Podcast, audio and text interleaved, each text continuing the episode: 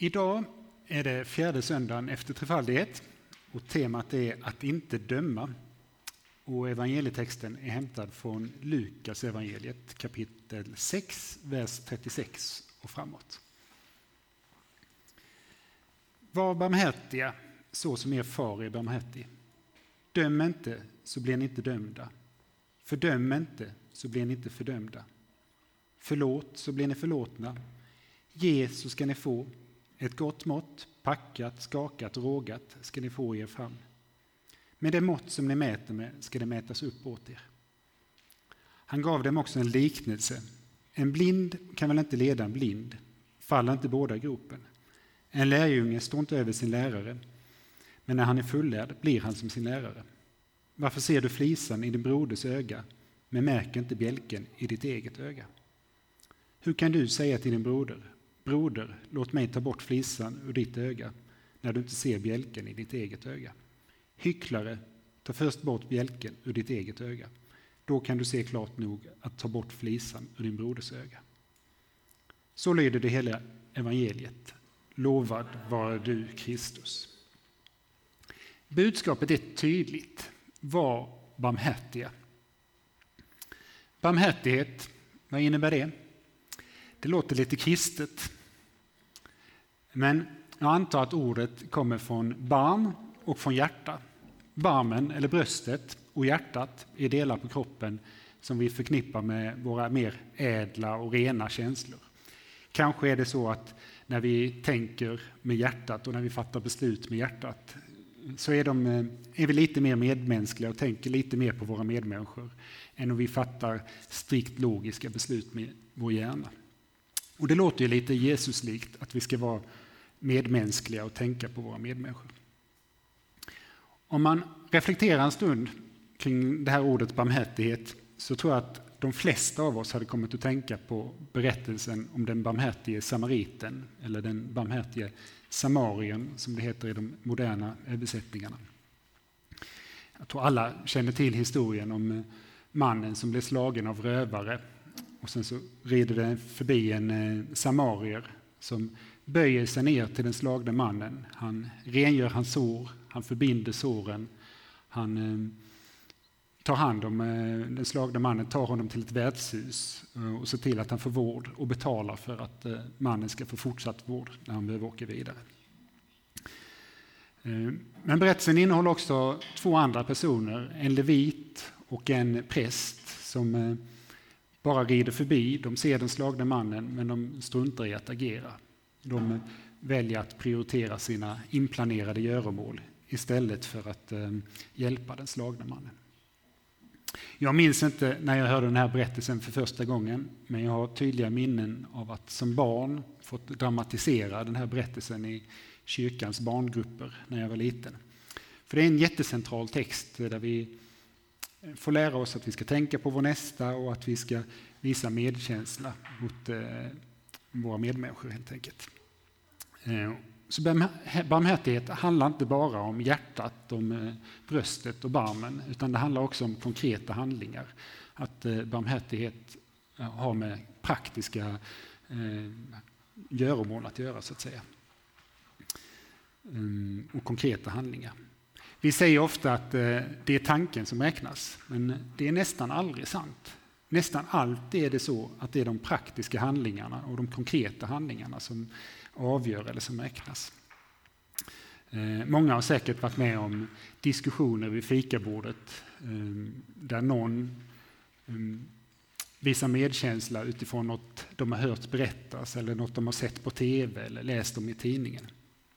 Och jag stör mig på mig själv och på andra också, kanske i och för sig, när jag eller andra då ojar sig över någon mm, och tycker synd om människor mm, utifrån någonting de har hört eller sett. Eh, för det hjälper ju inte i praktiken. Eh, den fattige, eh, det fattiga barnet får det inte bättre av att jag ojar mig. Flyktingen på Medelhavet får inte det bättre av att jag tycker synd om honom eller henne. Eller de bortglömda barnen som behöver stöd. Men samtidigt så tänker jag att eh, just att vi pratar om det, att vi lyfter det vid fikabordet, på jobbet, på skolan, vid kyrkkaffet eller hemma vid köksbordet i familjen. Det gör att vi bidrar till att de här behövande eller utstötta inte blir osynliggjorda, inte blir bortglömda. Eh, vi påminner, påminner oss om dem. Och det kanske bidrar också till att vi får ett lite mer medmänskligt samtalsklimat i de sammanhang där jag rör mig. Och i bästa fall så föder diskussionen också ett konkret engagemang och förbön. I mina förberedelser så slog jag upp ordet barmhärtighet i Svenska Akademins ordbok som finns på nätet. Och eh, det första gången man använder ordet barmhärtighet i text på svenska det är från Gustav Vasas bibel från 1526. Och sedan följde det en massa exempel från Bibeln och från andra teologiska böcker där man använder ordet barmhärtighet. Men barmhärtighet det är ju inte något strikt religiöst. Alla människor kan utöva barmhärtighet. Alla kan se det vackra i det. Astrid Lindgren är en sån författare som har skrivit många sagor och har många berättelser där människor utövar barmhärtighet. Eh, hon gör det på ett jättebra sätt och jag kan verkligen uppmuntra er att läsa hennes böcker eller att se filmatiseringarna. Ett sådant exempel är Emil i Lönneberga. Eh, när kommandoran som styr i fattighuset, eh, när han får reda på att hon har ätit upp all den goda julmaten som Emils mamma har skänkt till de fattiga, eh, så ordnar Emil julkalas för fattighuset. Med hjälp av drängen Alfred så lyckas de befria de fattiga som är instängda av kommandoran. Och så tar han hem dem till Katthult och där ordnar de ett stort kalas. Det är någon slags hyss, det görs när föräldrarna är bortbjudna. Eh, men det är ändå eh, en handling som eh, de har en stor fest, det är ljus och det är ett överflöd av mat. Och de fattiga säger att de tror att de har kommit, eller det är som att de har kommit till himlen. Lilla syster Ida ser också det vackra i det här, men eh, samtidigt så kan hon inte låta bli att oroa sig för eh, vad ska hända imorgon när de andra gästerna kommer och maten är till för dem. Men det svarar Emil att där är det redan tjocka så det räcker. Det är väl bättre att maten kommer där den gör nytta. Ett utmärkt exempel på barmhärtighet genom konkret handling. Eller berättelsen om Madicken Eh, hon bor tillsammans med sin lilla syster Elisabeth i Junibacken som är en stor villa. Eh, och med hennes föräldrar, där pappa Jonas han jobbar på tidningen, han är redaktör. Och mamma Kajsa är förnäm hemmafru som sköter om hushållet med hjälp av pigan Alva. Och en dag så kommer Madicken hem med löss i håren, håret och misstankarna går direkt till den fattiga kompisen Mia. Men då visar Madickens mamma barmhärtighet. Samtidigt som hon avlusar Madicken så passar hon på att avlusa Mia och Mias lilla syster. Ehm, och I boken så leker barnen dessutom den barmhärtige samariten medan den här behandlingen pågår. Ehm, och Astrid Lindgren skriver att eh, efter, när de går hem sen så är de rena och lusfria som de aldrig förr har varit i deras liv. Det är också en fin berättelse och det är en berättelse som sätter fingret på något i mitt eget beteende. Madicken är nog en av få Astrid Lindgren-berättelser där det finns en pappa som både är närvarande och hyfsat balanserad. Pippis pappa bor på en söderhavsö. Ehm, Emils pappa har ett förfärligt temperament och på Bråkmakargatan och Saltkråkan där eh, är papporna klantiga bifigurer. Ehm, så personligen kanske jag tycker det är lite lättare att eh, identifiera mig eller liksom se pappa Jonas i Madicken som någon slags föredöme. Det kanske beror på att jag inte riktigt vågar erkänna att jag också är en sån här klantskalle som gör dumma saker och inte har full koll. Jag är kanske mer lik farbror Melker än vad jag vill erkänna. Eh, men vad är det som händer då när pappa Jonas kommer hem och får höra om vad som har hänt med avlusningen? Då försöker han göra sig lustig på sin frus bekostnad. Fina frun på Junibacken, jag har hört att du har avlusat två små fattiga barn. Det får vi nästan ta in i tidningen imorgon. Kommentaren faller inte i god jord. Frun blir arg och ledsen. Och Jonas försöker förklara. Jag menar väl kanske att det inte hjälper så mycket om man tar bort lite, lite löss här och där. När det är så mycket annat som det är fel på som man borde ta itu med. Och här blir igenkänningsfaktorn stor. Dels är det lätt att såra sina nära och kära om man försöker göra sig lustig på deras bekostnad. Och dels är det lätt att raljera eller se ner på andras goda gärningar, att förminska de goda gärningarna. Det må vara sant att det finns annat som är viktigare att ta itu med. Men det betyder inte att det är fel att visa godhet och barmhärtighet och göra gott i det lilla. Givetvis ska vi utifrån de möjligheter och de förutsättningar vi har försöka komma till rätta med orsakerna bakom de stora samhällsproblemen. Men vi får och inte bara rikta in oss på att lindra symptomen. Eh, men att alltid peka på de här bakomliggande orsakerna eh, det kan också bli ett sätt att gömma sig bakom sitt eget ansvar och ett argument för att inte engagera sig överhuvudtaget. Om två fattiga barn får känna sig ompysslade, mätta och rena så är det alltid bättre än att de hungrar och blir osynliggjorda. Och man måste börja någonstans och då kanske man lika snart kan börja med Sabadillättika eller något annat avlusningsmedel. Och I mötet med, mellan två människor eller mellan olika människor så händer någonting med båda parterna.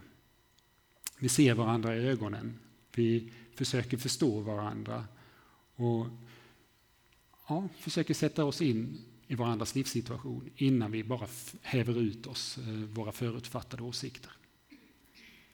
Om berättelsen om Madicken hade varit på riktigt så tror jag också att eh, pappa Jonas blivit lite omskakad av det som hade hänt. Eh, både av den visade medkänslan av att hans fru blev ledsen. Troligen hade hans nästa ledartext handlat om fattigdomsbekämpning snarare än om frihandel eller importtullar eller något sånt. För barmhärtighet och goda gärningar doftar gott. Det påverkar omgivningen och de runt omkring. Och det ger oss en försmak av himlen. Samtidigt så finns det något provokativt i goda gärningar. För när företagsledare eller rockmusiker idkar välgörenhet så blir de ofta ifrågasatta och förlöjligade i media. Och visst, Jesus uppmuntrar oss att ge det fördolda Syftet med givande är inte att vi själva ska framstå i bättre dagar. Men jag kan ändå inte låta bli att eh, tycka att det är något som är konstigt när exempelvis Bono i Youtube eh, blir hånade och förlöjligade i media utifrån att han idkar, eh, liksom jobbar med fattigdomsbekämpning i Afrika till exempel. Där han utifrån sin kristna tro har försökt eh, arbeta för skuldavskrivning, exempelvis.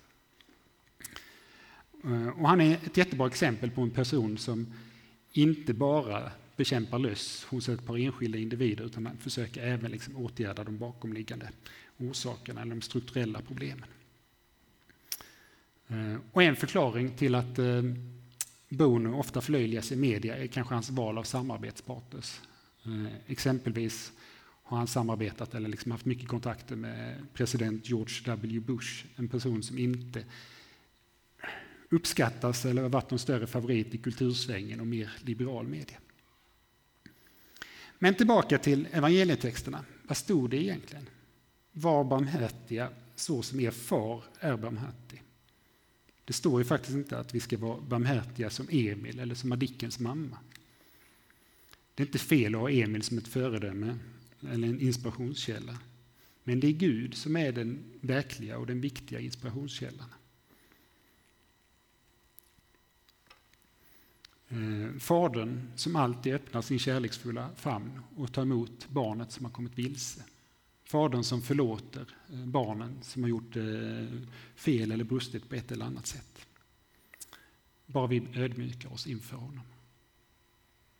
Och när vi läser om Jesu liv i evangelierna så funkar evangelierna som en liknelse över vem Gud är. Eh, då förstår vi vem Gud är och hur Guds kärlek fungerar och vad barmhärtighet betyder i praktiken. Vid första anblick så kanske det vi mest ser underna, att han helar sjuka och eh, mättar hungrande, att han upprättar människor. Vi hör hans undervisning och liknelserna om Guds rike och vem Gud är och sådär. Eh, men om vi läser noga så ser vi också ett personligt engagemang. Där Jesus visar medkänsla och starka känsloyttringar. När Jesu vän Lazarus ehm, dött så läser vi att Jesus blev djupt rörd i sitt inre. Han gråter och känner ilska. Inte bara en gång. Först sker det utanför staden i mötet med Lazarus syster Maria och sen ännu en gång vid Lazarus grav. Och ibland frågar vi oss, var är Jesus eh, när vi eller andra går igenom jobbiga saker? Var är Jesus när ett barn dör? Var är, vad gör Jesus när det ofattbara händer?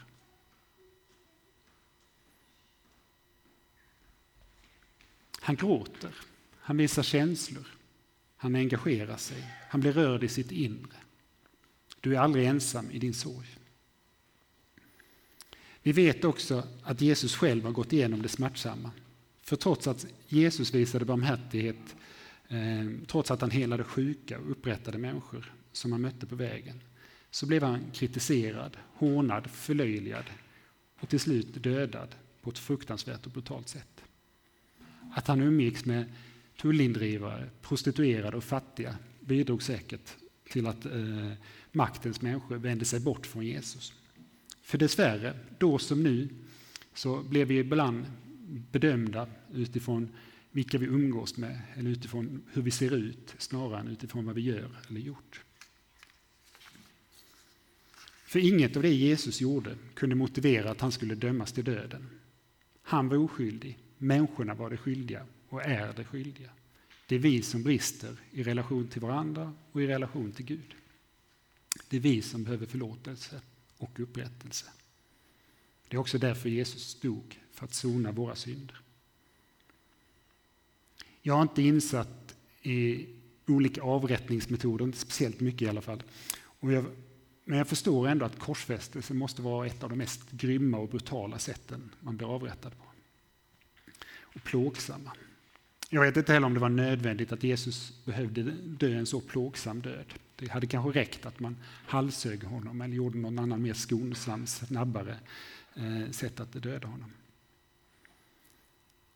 Däremot kan vi tänka oss att eh, Jesus efter flera timmar på korset, att han i ännu högre grad kan förstå och känna med oss människor när människan lider.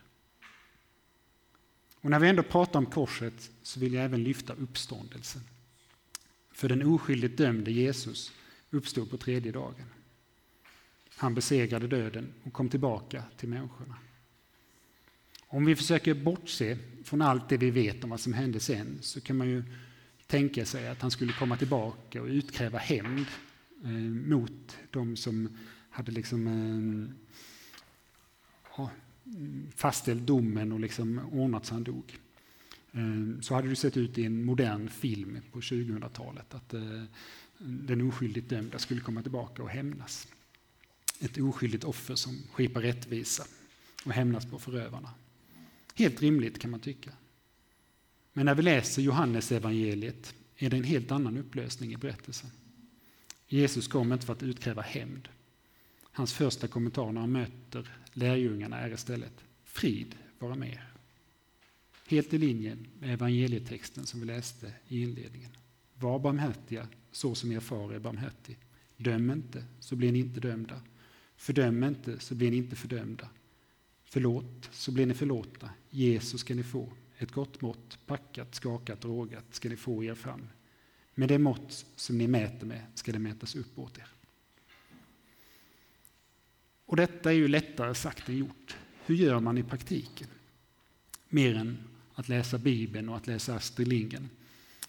Jag hämtar gärna inspiration från andra människor som jag möter i det riktiga livet eller eh, som jag läser om eller ser på eh, i en film.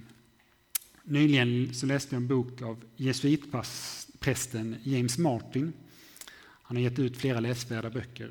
Eh, och I söka, Gud, söka och finna Gud i allt så skriver han hur man kan upptäcka Gud i vardagen utifrån tre löften som jesuiter och andra munkar och nunnor ger innan de går in i kloster. Eh, hans poäng är inte alls att man ska gå in i kloster, snarare tvärtom, eh, om man vill söka och upptäcka Gud. Eh, men trots det så är det tydligt att eh, alla människor kan dra djup lärdom och lära sig någonting av dem utifrån de löftena eller de principerna som eh, munkarna och nunnorna ger innan de går in i kloster. Och det intressanta är att väldigt många av dem, eller alla de här tre löftena, de går stick i stäv i mycket av det som vi liksom matas med i dagens kultur och i dagens samhälle och de rådande värderingarna. Och jag kan själv uppleva att vi står mitt i en dragkamp där jag som kristen, å ena sidan ibland så vill jag ju vara precis som alla andra. Å andra sidan så vill jag att min kristna tro ska påverka hur jag lever och eh, mm, ja, det liv jag lever helt enkelt. Eh, men att särskilja sig har inget egenvärde i sig. Poängen är ju att vi ska bli de Gud har tänkt att vi ska bli, de han har skapat oss till. Och jag tror att ehm, för att uppnå det målet så tror jag att ehm, i den processen man behöver gå igenom där så tror jag att de här tre löftena eller principerna kan vara till hjälp att skala bort sånt som är onödigt och som är i vägen. Och det första löftet handlar om att leva i fattigdom, eh, vilket inte är helt lätt i ett konsumtionssamhälle som uppmuntrar oss att eh, köpa nytt och köpa mer hela tiden. Det andra löftet handlar om kyskhet, vilket kanske inte heller rimmar Eh, med dagens eh, kultur, eh, där väldigt mycket handlar om ja, som kan, alltså dagens kultur som kan upplevas som översexualiserad. Och det tredje och sista löftet handlar om lydnad, vilket står i kontrast mot individualismen och där liksom slagordet snarare är frihet, frihet, frihet. Lydnad det ser man som en eftersträvansvärd egenskap hos hundar men som något väldigt konstigt och suspekt hos människor. Men när jag läste James Martins bok så blev det också tydligt för mig hur starkt påverkad jag är av eh, den rådande kulturen. Och när jag tidigare tänkt på munkar och nunnor så har jag alltid tänkt på människor som avskiljer sig från samhället och försakar väldigt mycket. Eh, men när den här, i den här boken, liksom i, jag läste en annan bok eh, av James Martin tidigare som handlar om Jesus. Och I båda de böckerna så möter man en extrovert man som har väldigt många och djupa relationer och vänskaper. En människa som lever ett aktivt och engagerat liv.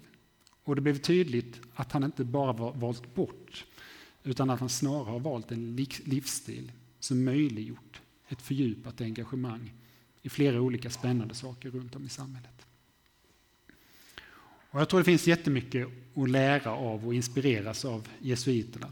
Inte minst kring de här andliga övningarna som deras grundare Ignatius började utveckla på 1500-talet. Men det här är inte rätt forum för en sån fördjupning. Läs hellre någon av hans böcker. Men avslutningsvis så ska jag ändå dela tre viktiga och djupsinniga lärdomar som presenterades i den här boken. Eh, det var en äldre jesuitpräst som gav den till en novis eh, när han bad om vägledning. Novisen bad om vägledning. Och eh, den äldre prästen bedyrade att hade han vetat detta från början så hade han blivit besparad väldigt mycket möda och livet hade blivit enklare helt enkelt. Ehm, om man hade uppnått den förståelsen tidigare i livet. Och jag måste erkänna att de tre punkterna är kanske det jag liksom återkommit flest gånger till under de senaste veckorna. Så att eh, det var nog det av boken som påverkade mig mest.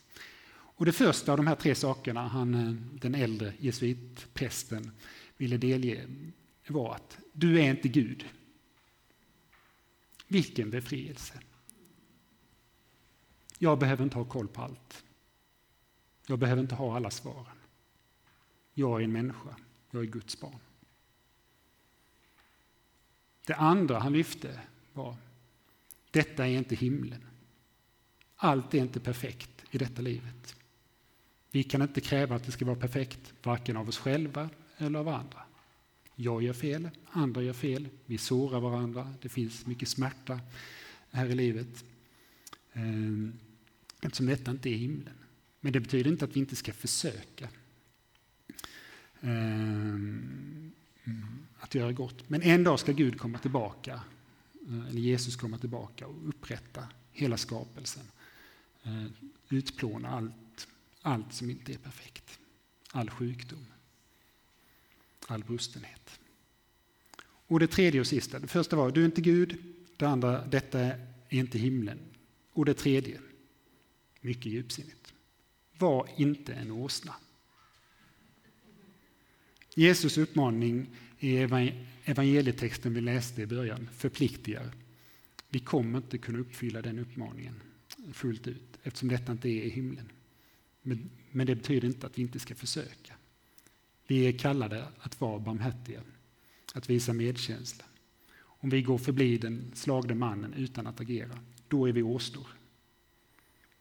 Vår roll som människa ligger alltså någonstans i spektrat mellan å ena sidan Gud och å andra sidan åsnan. Om vi kan förstå det så tror jag att det kan bli rätt bra. Låt oss be. Herre, du är vår skapare och frälsare. Du har all makt i himlen och på jorden. Tack för din kärlek och din barmhärtighet. Tack, tack för att vi får lägga allt och allt i dina händer. Hjälp oss att förstå att vi inte är Gud och att vi inte klarar att ha full koll på allt. Tack för att vi är i trygga händer när vi lämnar oss till dig. Forma oss och hjälp oss att vara medmänniskor, att vara barmhärtiga så som du är barmhärtig. Tack för att du är nära den som sörjer. Tack för att du ska komma tillbaka och återupprätta allt trasigt. Din äran i evighet. Amen.